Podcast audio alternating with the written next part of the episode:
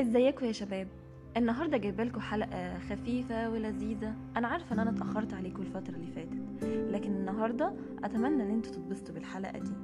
النهارده هنتكلم عن رابندرناث تاجور ده كان شخص متعدد الثقافات وأعاد تشكيل الأدب والموسيقى في البنجلاديش. اتولد عام 1861 كتب قصيدته الأولى وهو عنده 8 سنين. عام 1877 وكان عنده 16 سنة نشر أول ديوان شعر ليه. في السنة اللي بعدها على طول سافر لندن والتحق بمدرسة هناك اسمها برايتون لندن. هو كان نفسه يكون محامي لكن دخل الجامعة وأداؤه ما كانش كويس فاضطر باباه إن هو يرجعه من لندن. اتجوز من ماري مالين دافي سنة 1883 وخلف منها خمس أطفال. كان شاعر وأديب ومؤلف وموسيقي وكمان كان حكيم جدا وعنده نظريات كتير وكان هندي حقيقي. وألف رواية اسمها جوتنجالي.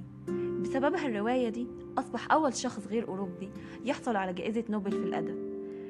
ألف حوالي 2200 2230 أغنية ورسم أكتر من 2500 رسمة كمان هو اللي ألف الأناشيد الوطنية للهند وبنجلاديش. كان تاجر مشهور بالشعر لكن كان بيكتب قصص قصيرة وروايات. كمان تم ضمه ضمن قائمة أهم 20 شخص عالمي. في قصة جميلة حصلت في حياته.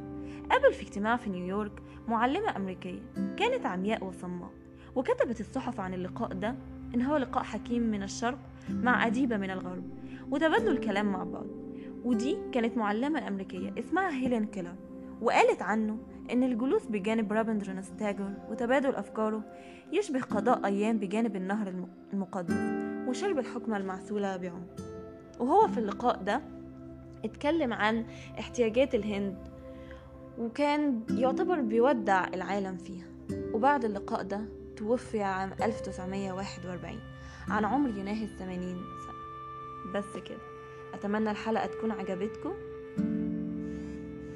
وعنده نظريات كتير وكان هندي حقيقي وألف رواية اسمها